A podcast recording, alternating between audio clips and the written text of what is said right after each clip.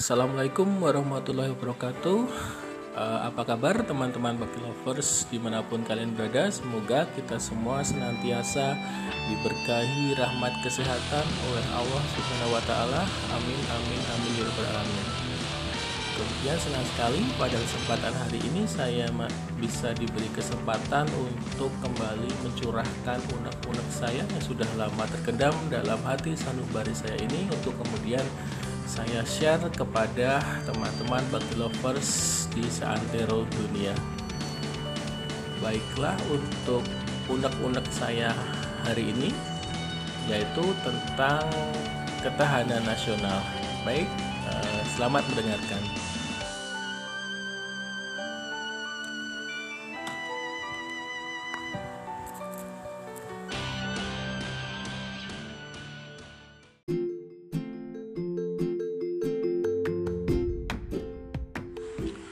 Baiklah, seperti biasanya kita awali dengan definisi dulu untuk mengetahui lebih baik mengenai topik kita ketahanan nasional. Ketahanan nasional atau dalam bahasa Inggrisnya dikenal dengan national resilience itu artinya adalah dari kata tahan. Tahan artinya adalah kuat, dapat menguasai diri, gigih, tidak mengenal menyerah.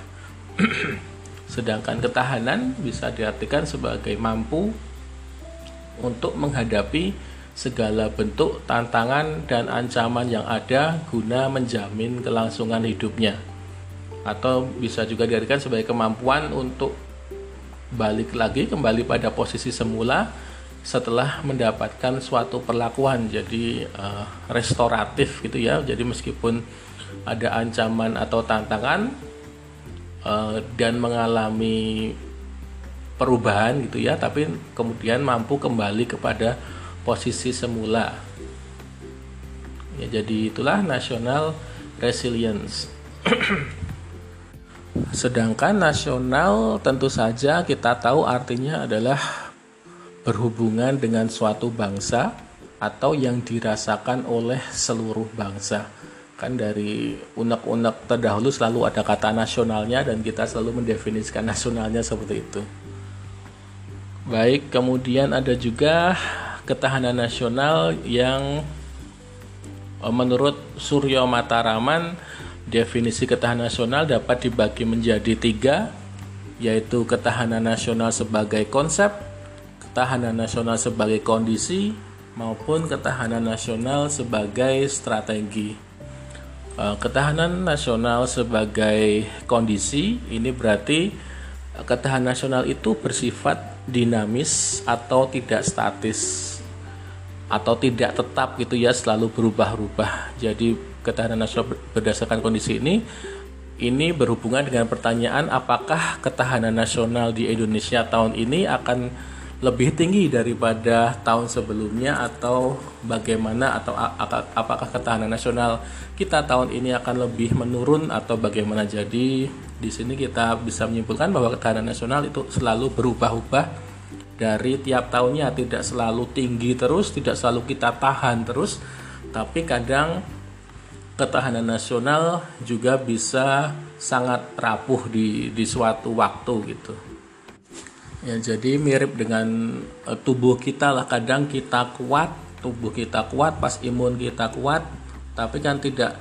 selalu tubuh kita itu dalam keadaan yang segar, dalam keadaan yang bugar, kadang ada banyak uh, banyak pengaruh dari luar ataupun dari dalam, mungkin karena stres atau karena ada lingkungan ataupun kurang tidur bagaimana sehingga tubuh kita ketahanannya menjadi turun sehingga kita sakit di suatu hari. Jadi mirip dengan itu ketahanan nasional, kondisi ketahanan nasional juga dinamis dan tidak selalu kita kuat gitu ya. Dan setiap tahun memang di dianalisis apakah ketahanan nasional kita kuat atau tidak.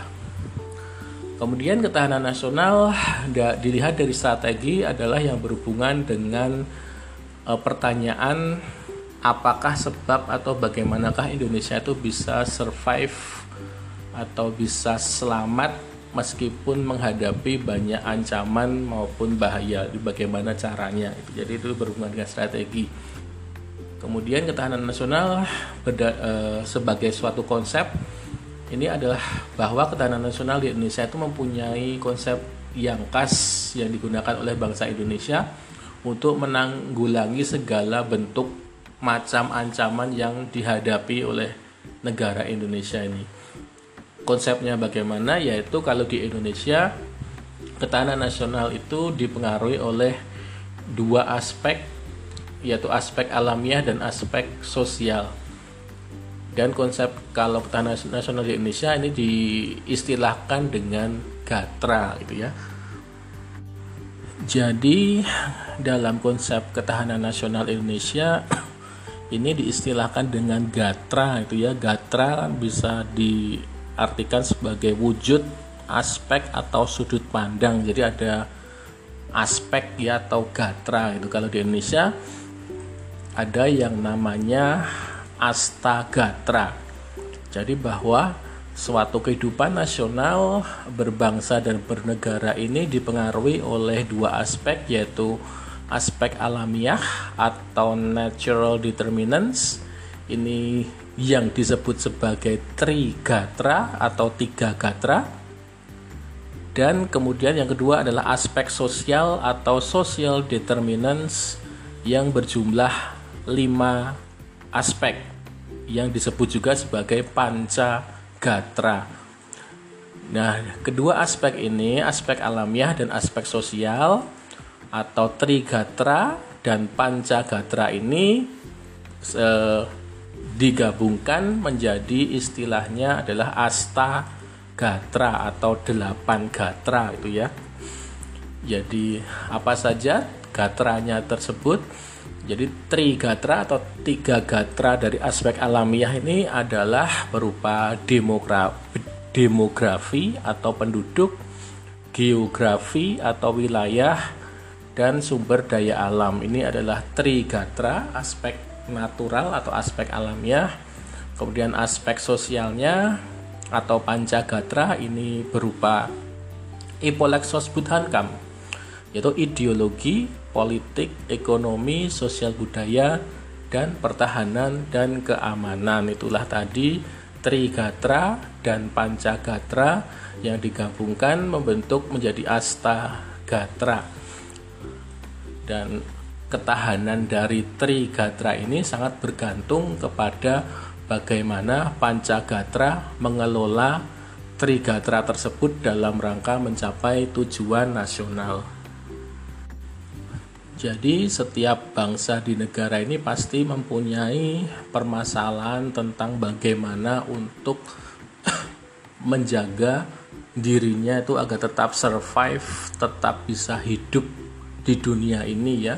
Pasti memiliki suatu sistem untuk ketahanan nasionalnya. Kenapa? Ya karena memang penting ketahanan nasional karena berhubungan juga dengan pembangunan nasional yaitu berhasilnya pembangunan nasional itu akan meningkatkan ketahanan nasional. Eh, selanjutnya ketahanan nasional yang tangguh juga akan mendorong pembangunan nasional atau eh, ketahanan nasional juga bisa menjadi landasan yang kuat untuk melakukan pembangunan gitu ya. Uh, ya mungkin bisa kita lihat contoh di Timur Tengah misalnya di negara-negara Libya, di negara-negara uh, yang yaitu yang ketahanan nasionalnya rendah itu cenderung akan mengalami konflik baik bisa berasal dari luar negeri berupa ancaman invasi maupun e, pemberontakan dari dalam negeri. Itu karena ketahanan nasionalnya lemah akan berdampak pada pembangunannya juga. Jadi dikatakan bahwa e, di di negara-negara yang konflik di Timur Tengah itu pembangunannya um, minus gitu ya banyak hasil-hasil pembangunan yang rusak berat karena ketahanan nasionalnya jelek jadi dikatakan bahwa peradaban di negara-negara tersebut kembali lagi kepada keperadaban Romawi jadi tidak ada kemajuan gitu pada negara-negara di, di dunia semakin maju, semakin modern, tapi peradaban di negara-negara yang berkonflik tersebut malah mundur gitu ya. Dari tingkat pendidikan, dari tingkat ekonomi. Jadi ya sekali lagi berhasilnya pembangunan nasional ini akan bisa meningkatkan meningkatkan ketahanan nasional. Jika ekonominya baik, pembangunannya baik, ini juga ketahanan nasional juga akan meningkat dan juga saling berkontribusi dengan meningkatkan meningkatnya ketahanan nasional yang tangguh ini juga akan menjadi landasan yang kuat untuk melakukan pembangunan nasional juga. Jadi itulah hubungan antara ketahanan nasional dengan pembangunan nasional. Jadi sekali lagi dapat kita pahami bahwa definisi dari ketahanan nasional adalah suatu kondisi dinamis dari suatu bangsa yang terdiri atas ketangguhan serta keulatan dan kemampuan untuk mengembangkan kekuatan nasional yang di, dimiliki dalam menghadapi segala macam dan bentuk ancaman, tantangan, hambatan, dan gangguan, baik yang datang dari dalam maupun dari luar, baik secara langsung maupun tidak langsung, mengancam dan membahayakan integritas, identitas kelangsungan hidup dari suatu bangsa dan negara, serta perjuangan dalam mewujudkan tujuan nasionalnya. Jadi itulah artinya dari national resilience atau ketahanan nasional.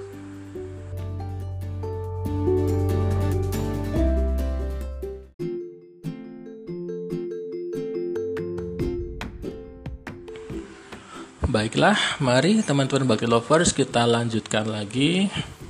Tadi sudah dinyatakan ya bahwa ketahanan nasional itu merupakan ketangguhan ataupun keuletan untuk mengembangkan kekuatan nasional yang kita miliki dalam menghadapi segala macam AGHT ya, ancaman, tantangan, hambatan dan gangguan. Nah, ini di dalam konsep ketahanan nasional ini ada perbedaan antara istilah-istilah yang digunakan untuk menyebut ancaman itu apa, gangguan itu apa, hambatan itu apa, tantangan itu apa. Nah, jadi mari kita definisikan ya teman-teman apa sih itu AGHT itu. Baik, mari. Baik, jadi istilah ancaman, gangguan, hambatan, tantangan ini terdapat perbedaan yaitu dari faktor berkonsep atau tidak berkonsep dan juga dari sumbernya apakah dari dalam negeri atau dari luar negeri. Jadi jika suatu uh, itu merupakan berkonsep atau uh, sistematis gitu ya dilakukan oleh suatu organisasi atau ada konsepnya itu disebut sebagai ancaman. Jadi ancaman adalah suatu hal maupun upaya yang bersifat dan bertujuan untuk mengubah maupun merombak kebijaksanaan yang dilandaskan secara konsepsional baik itu berasal dari dalam negeri maupun luar negeri.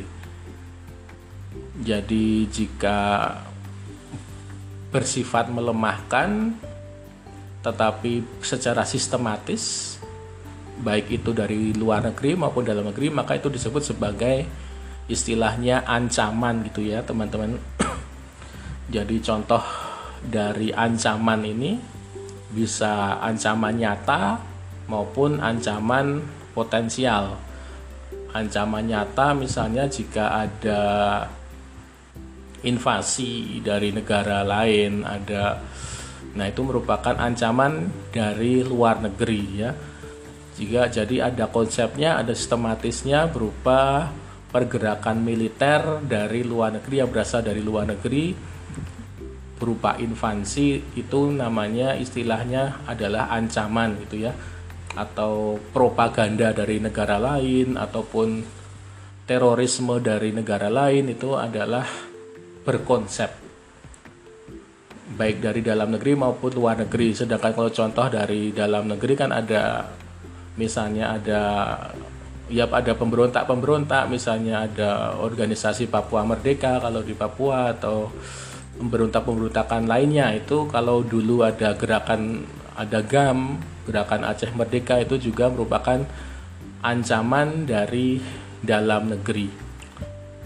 Jadi jika ada ancaman maka kita harus mewaspadai. Kemudian kita cari akar masalah dari ancaman tadi kemudian kita tuntaskan. Jadi itulah yang harus dilakukan dalam ancaman. Kemudian ada juga istilahnya hambatan ya. Jadi kalau hambatan itu adalah hal yang bersifat melemahkan, menghalangi secara tidak konsepsional yang berasal dari dalam. Jadi kalau berkonsep tadi namanya ancaman, kalau tidak berkonsep bisa artinya dua yaitu berarti hambatan atau gangguan. Kalau hambatan itu tidak berkonsep yang berasal dari dalam negeri, sedangkan gangguan adalah tidak berkonsep dan sumbernya dari luar negeri gitu ya. Kita contohkan yang dari dalam negeri dulu yaitu diistilahkan dengan hambatan. Contohnya adalah yaitu yang bersifat melemahkan, tidak berkonsep atau tidak sistematis secara militaristik misalnya ada gerakan militer itu tidak yang sumbernya berasal dari dalam negeri misalnya pengangguran ya. Di di sektor ekonomi pengangguran yang tinggi itu juga merupakan hambatan gitu ya. Karena dari dalam negeri adalah hambatan atau kesenjangan sosial lemahnya penegakan hukum, adanya korupsi itu adalah tergolong ke dalam istilahnya hambatan. Sedangkan eh, yang tidak berkonsep tapi berasal dari luar negeri atau gangguan misalnya ada illegal fishing atau pencurian ikan oleh negara lain, kemudian jika ada pencemaran pencemaran atau polusi pencemaran laut ataupun udara yang bersumber dari negara lain atau pencemaran lintas negara itu merupakan gangguan.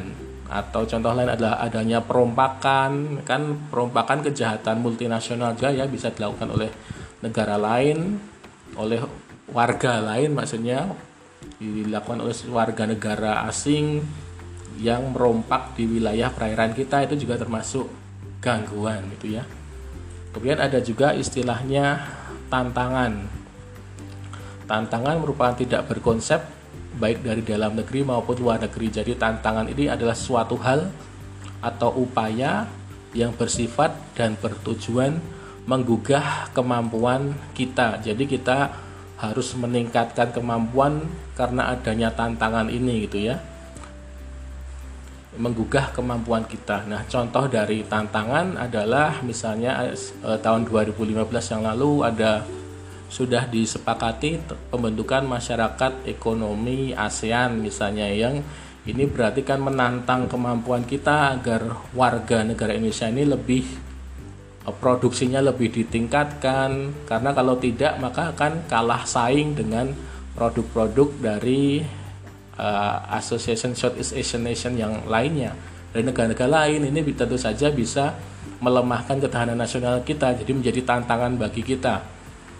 Kemudian itu tantangan contoh tantangan dari luar negeri misalnya masyarakat ekonomi ASEAN dan juga tantangan dari dalam negeri misalnya kita mempunyai wilayah kepulauan yang luas itu juga merupakan tantangan juga tantangan dari dalam negeri yang harus menggugah kemampuan kita untuk bisa bisa menjaga meningkatkan patroli wilayah kita yang sangat luas ini merupakan tantangan bagi kita juga.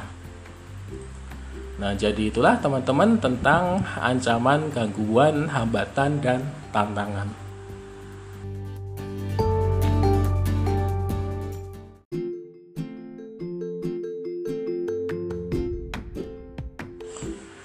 Baik, teman-teman Bakti Lovers, eh, kita lanjutkan lagi ya. Kita balik kepada topik Astagatra.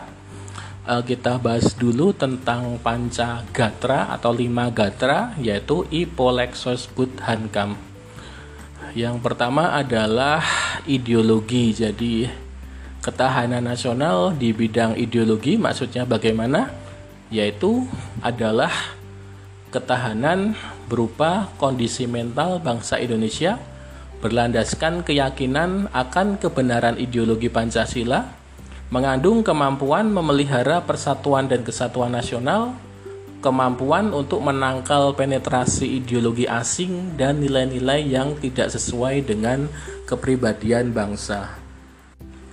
Ya, jadi itulah eh, jika suatu ketahanan nasional faktor ideologi kita, gatra ideologi kita kuat, maka itu akan terwujud dalam mental bangsa yang yakin dan akan kebenaran ideologi Pancasila. Ideologi kita bisa memelihara persatuan kesatuan dan juga kita juga mempunyai ketahanan atau kemampuan untuk bisa menangkal penetrasi atau uh, gebrakan dari ideologi asing yang tidak sesuai dengan kepribadian bangsa kita maka itulah yang saat itulah di mana ketahanan nasional ideologi kita adalah kuat gitu ya. Oke, lanjut kemudian ketahanan nasional gatra politik yaitu diartikan sebagai kondisi kehidupan perpolitikan bangsa Indonesia yang berlandaskan demokrasi berdasarkan Pancasila dan Undang-Undang Dasar 1945 di mana mengandung kemampuan untuk memelihara sistem politik yang sehat kemampuan yang menerapkan politik luar negeri yang bebas dan aktif. Jadi itulah ketahanan nasional di bidang politik kita ya. E, seperti kita ketahui bahwa sistem politik kita berfungsi untuk menampung aspirasi rakyat, berfungsi untuk membuat kebijakan publik untuk memenuhi aspirasi rakyat, untuk membangun iklim politik yang sesuai dengan kepastian hukum untuk meredam gejolak pada saat intensitas konflik meningkat di dalam masyarakat untuk membangun kesiapan bangsa dalam menghadapi kancah pergaulan dan kompetisi antar bangsa. Jadi itu tadi sistem politik kita dianggap tahan atau kuat jika kita bisa memelihara sistem politik tadi itu yang sehat, yang memang sesuai dengan demokrasi, berdasarkan Pancasila dan UUD. Apakah sistem politik kita sudah seperti itu, sudah tahan? Jika belum, maka ketahanan nasional kita masih lemah di bidang politik ya. Baik, lanjut. Kemudian ketahanan nasional gatra ekonomi. Ini adalah berupa kondisi kehidupan perekonomian bangsa yang berlandaskan pada demokrasi ekonomi yang berdasarkan Pancasila, mengandung kemampuan memelihara stabilitas ekonomi yang sehat, kemampuan menciptakan kemandirian ekonomi nasional dengan daya saing yang tinggi, dan mewujudkan kemakmuran rakyat yang adil dan merata. Saat terjadi seperti ini, di mana ekonomi kita berdasarkan demokrasi, ekonomi berdasarkan Pancasila, ekonomi kita stabil dan sehat, bisa mandiri secara ekonomi nasional, produk-produk kita mempunyai daya, daya saing yang tinggi, kemudian rakyat kemakmurannya juga secara adil dan merata, maka di situlah ketahanan nasional kita di bidang ekonomi adalah mantap atau sangat kuat gitu. Apakah kita sudah memperoleh ketahanan nasional yang kuat di bidang ekonomi? Yaitu silakan teman-teman ya menilai sendiri gitu ya. Kemudian lanjut ketahanan nasional di bidang gatra sosial dan budaya yaitu berarti kondisi kehidupan sosial budaya bangsa yang dijiwai oleh kepribadian nasional berdasarkan Pancasila mengandung kemampuan untuk membentuk kehidupan sosial manusia, uh, sosial budaya manusia dan masyarakat Indonesia yang beriman bertakwa terhadap Tuhan Yang Maha Esa, rukun, bersatu, cinta tanah air, maju sejahtera dalam kehidupan, dan juga kemampuan menangkal penetrasi budaya asing yang tidak sesuai dengan kebudayaan nasional. Jadi itulah ketahanan nasional di bidang gatra sosial budaya. Berarti kita eh, kehidupan sosial budayanya mantap gitu ya, kepribadian kita juga mantap sesuai dengan Pancasila, kita juga cinta tanah air, beriman terhadap Tuhan Yang Maha Esa, karena itu kan sesuai dengan kepribadian kita di Pancasila ya, beriman terhadap Tuhan Yang Maha Esa. Kemudian budaya-budaya asing yang tidak sesuai dengan budaya kita juga bisa kita tangkal, kita kita cegah untuk menetrasi, misalnya budaya uh, seks bebas misalnya atau budaya glamor, budaya dugem itu kan adalah budaya asing yang tidak sesuai dengan kepribadian kita. Jadi apakah ketahanan nasional sosial budaya kita sudah mantap menurut teman-teman bisa di ya dinilai sendiri gitu ya.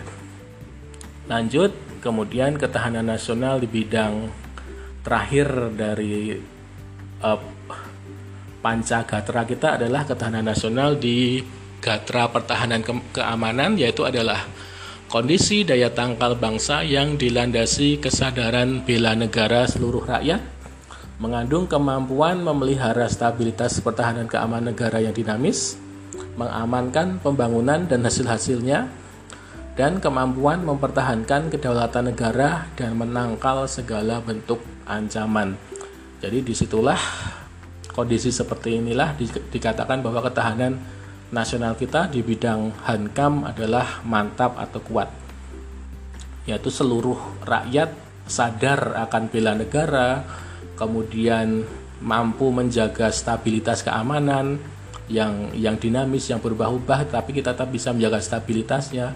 Kemudian hasil-hasil dari pembangunan kita bisa mengamankannya ada gedung-gedung jalan perkantoran itu kan adalah termasuk hasil dari pembangunan ya teman-teman kemudian juga bisa mampu mempertahankan kedaulatan negara dari ancaman asing. Itu maka di situlah ketahanan nasional dalam bidang pertahanan keamanan kita disebut sebagai mantap gitu ya. Baik itu tadi adalah ketahanan nasional di bidang uh, pancagatra atau di bidang social determinant kemudian kita, kita lanjut ketahanan nasional di bidang trigatra atau natural determinant. Baik, yang pertama adalah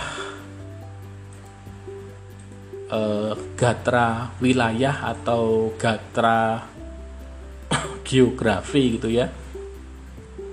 Jadi seperti kita ketahui memang wilayah ini turut memberi dampak terhadap kekuas, kekuatan nasional suatu negara jadi ini bukan hanya masalah tentang luas suatu negara tapi juga berhubungan dengan apakah wilayah negara itu dapat dihuni atau tidak.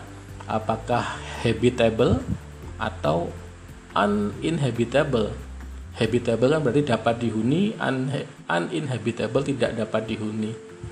Ya, kita bersyukur bahwa uh, geografi atau wilayah di Indonesia ini adalah termasuk inhabitable atau dapat dihuni.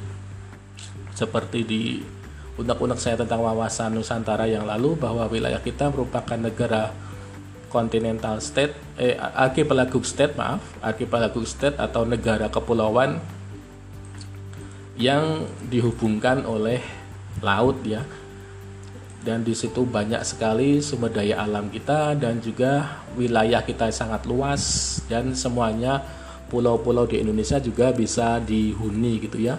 Ini tentu saja berbeda dengan misalnya di wilayah Timur Tengah misalnya kan di sana memang luas misalnya di Irak itu memang negaranya luas tapi tidak semua wilayahnya bisa dihuni karena hanya padang pasir saja di mana di sana susah untuk mendapatkan air, susah untuk bercocok tanam. Jadi ya seperti percuma saja wilayah negaranya besar dan luas tapi tidak dapat dihuni, tidak dapat diambil manfaat ekonominya. Jadi itu juga uh, uh, tidak bisa menjadi modal untuk meningkatkan pembangunan dan meningkatkan ketahanan nasional.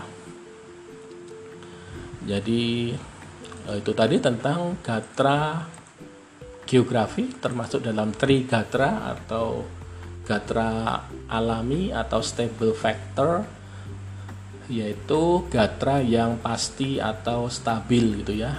Kan gatra atau gatra alami. Lanjut gatra alami berikutnya adalah gatra sumber daya alam. Jadi sumber daya alam dari suatu negara itu dikatakan ketahanan nasionalnya mantap jika baik secara kuantitas maupun kualitas. Jadi SDA-nya secara kualitas bagus, secara jumlah juga bagus karena dijadikan sebagai modal dasar pembangunan. E, berdasarkan kualitas tentu saja Indonesia juga alhamdulillahnya banyak ya dari kualitas tapi secara kuantitas juga seharusnya banyak ini bisa berupa sumber daya alam hewani, nabati, perikanan maupun mineral. Tambangnya juga banyak. Di Indonesia juga bervariasi tambang-tambang. Selain timah di Bangka Belitung kan ada banyak juga tambang-tambang lain di Indonesia. Namun selain SDA tentu saja SDM-nya juga kemampuan mengeksplorasi dan mengeksploitasi juga menjadi faktor gatra sumber daya alam jadi jika mengeksploitasi sumber daya alamnya secara sustainable atau berkelanjutan atau memperhatikan memperhitungkan masa depan dan lingkungan hidup itu maka lebih menjamin ketahanan nasional dari segi sumber daya alam karena generasi mendatang juga akan masih bisa memanfaatkan sumber daya alam itu jika sustainable misalnya mencari ikan ya tidak dengan bom misalnya. Karena kalau dengan bom itu akan merusak rumah-rumahnya ikan juga. Ikan-ikan yang masih bayi-bayi juga ikut mati yang masih masih juvenil itu juga ikut mati itu kan jadinya akan rusak. Jadi tidak berkelanjutan e, pemanfaatannya. Jadi selain kuantitas dan kualitas sumber daya alam kemampuan mengeksplorasi juga tata caranya secara sustainable itu akan mempengaruhi gatra sumber daya alam Baik, selanjutnya adalah gatra demografi atau gatra penduduk. Ini berhubungan dengan aspek kualitas dan kuantitas juga. Secara kuantitas apakah jumlah dan pertumbuhan penduduknya bagus? Dari segi kualitasnya bagaimana kesehatannya, bagaimana gizinya, bagaimana mental dan kecerdasan dari penduduk itu. Jadi ini berhubungan dengan tingkat pendidikan, berhubungan dengan etos kerja, berhubungan dengan apakah mentalnya korup, korup atau tidak. Juga aspek mobilitas, apakah penduduknya menyebar secara merata atau tidak berada di wilayah di seluruh wilayah negara ataukah hanya terkonsentrasi di satu pulau saja jumlah penduduknya? Sedangkan di wilayah lain malah e, sedikit penduduknya itu juga e, berpengaruh terhadap ketahanan nasional gatra penduduk. Sehingga diperlukan transmigrasi, urbanisasi atau migrasi eh, peningkatan di bidang pendidikan, di bidang kesehatan, di bidang eh, moral, di bidang agama itu juga akan mempengaruhi ketahanan nasional di bidang penduduk. Jadi itu tadi teman-teman gatra dari Astagatra atau delapan gatra tadi ada gatra nat natural atau trigatra yaitu gatra demografi, gatra geografi dan gatra sumber daya alam dan juga gatra sosial atau panca gatra yaitu Ipolexos Budhankam, ideologi, politik, ekonomi, sosial budaya, pertahanan, keamanan.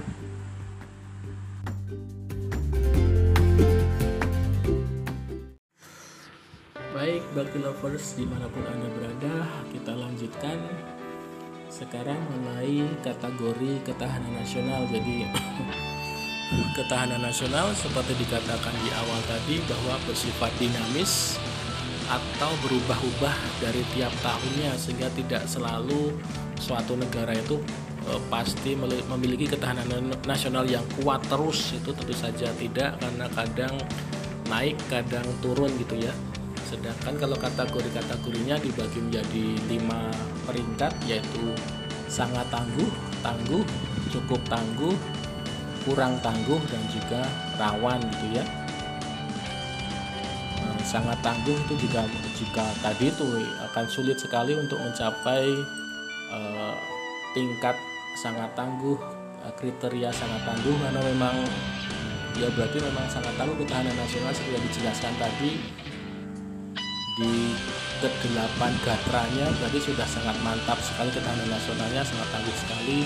Itu bisa menghadang segala ancaman gangguan hambatan tantangan yang yang akan ber, uh, yang akan di bertabrakan dengan kita dengan suatu bangsa tersebut dia akan bisa kuat untuk menghadapinya namun di sisi lain jika ketahanan nasional suatu negara itu rawan atau di tingkat paling rendah, maka itu juga akan sangat berbahaya.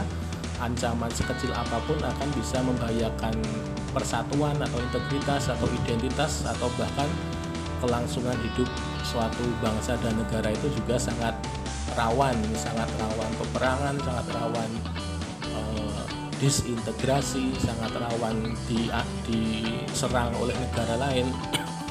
Itu di tingkat paling bawah.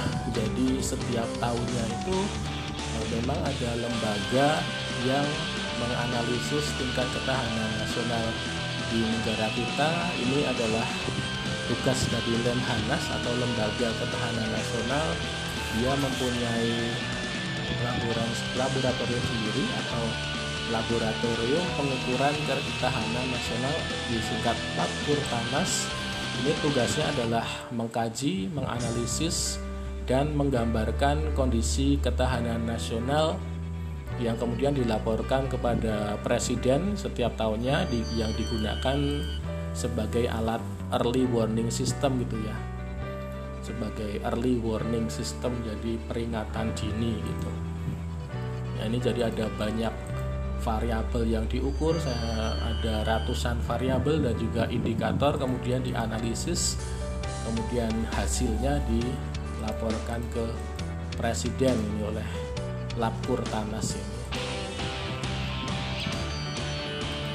Oke baik nah jadi ketahanan nasional ini adalah untuk mencapai tujuan nasional kita. Kita tentu masih ingat tujuan bangsa kita ada di mana yaitu di alinea 4 pembukaan undang-undang dasar ya. Kita sudah belajar ini di undang-undang kita tentang Pancasila. Tujuan kita adalah untuk melindungi seluruh rakyat Indonesia untuk menciptakan masyarakat adil dan makmur untuk mencerdaskan kehidupan bangsa dan juga ikut E, menciptakan ketertiban dunia itulah tujuan dari bangsa kita. Oke lanjut teman-teman. Kemudian menurut pasal 9 Undang-Undang Nomor 3 tahun 2002 tentang pertahanan negara ini kita sebagai warga bisa ikut melakukan upaya bela negara. Yaitu ada empat antara lain saja ya termasuk wujud bela negara. Yang pertama dengan mengikuti pelatihan dasar kemiliteran. Di mana ini adalah bertujuan untuk membentuk sikap dan jiwa patriotis kita. Ini bisa kita dapatkan dengan mengikuti pramuka misalnya atau palang merah remaja atau kalau bagi mahasiswa dengan bergabung ke resimen mahasiswa atau menwa itu ya atau bergabung kalau di kampus kita kan namanya Menwa Mahadepam gitu ya teman-teman ya. Itu bisa bisa bergabung di Menwa untuk mengetahui prinsip-prinsip dan pelatihan dasar kemiliteran. Di sana ada tentang baris berbaris tentang bagaimana tentang SAR eh, dan lain-lain. Banyak kegiatan di sana tentang kemiliteran dan tentang bela negara. Jadi ikut kegiatan-kegiatan seperti itu adalah salah satu bentuk upaya bela negara. Kemudian yang kedua adalah dengan mengikuti pendidikan kewarganegaraan. Ini juga termasuk salah satu bentuk bela negara karena tujuan dari pendidikan kewarganegaraan tentu saja sudah kita terangkan ya di awal yaitu untuk menumbuhkan rasa kebangsaan, menumbuhkan cinta tanah air, e, memberikan kesadaran tentang sejarah dan perjuangan pahlawan-pahlawan kita, menghargai jasa pahlawan. Jadi itu adalah berhubungan dengan negara. Jadi mengikuti pendidikan keluarga negara juga termasuk bentuk bela negara. Kemudian eh, kegiatan yang lain juga yang ketiga adalah pengabdian sesuai profesi. Jadi kita tetap bisa melakukan bela negara sesuai dengan profesi, profesi kita misalnya kalau pelajar ya dengan mengharumkan nama bangsa Indonesia dengan prestasi-prestasi di luar negeri baik prestasi akademik maupun non akademik misalnya ya dalam menang menang olimpiade misalnya itu kan juga mengharumkan nama baik bangsa Indonesia.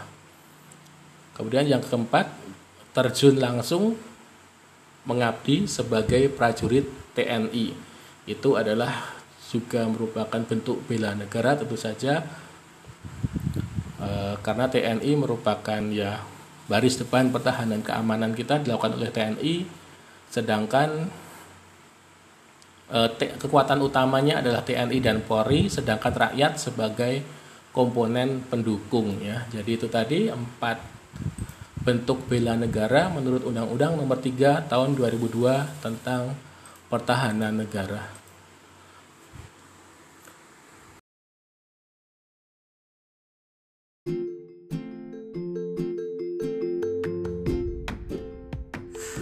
Baiklah teman-teman, mungkin untuk saat ini eh, materinya sampai di sini dulu.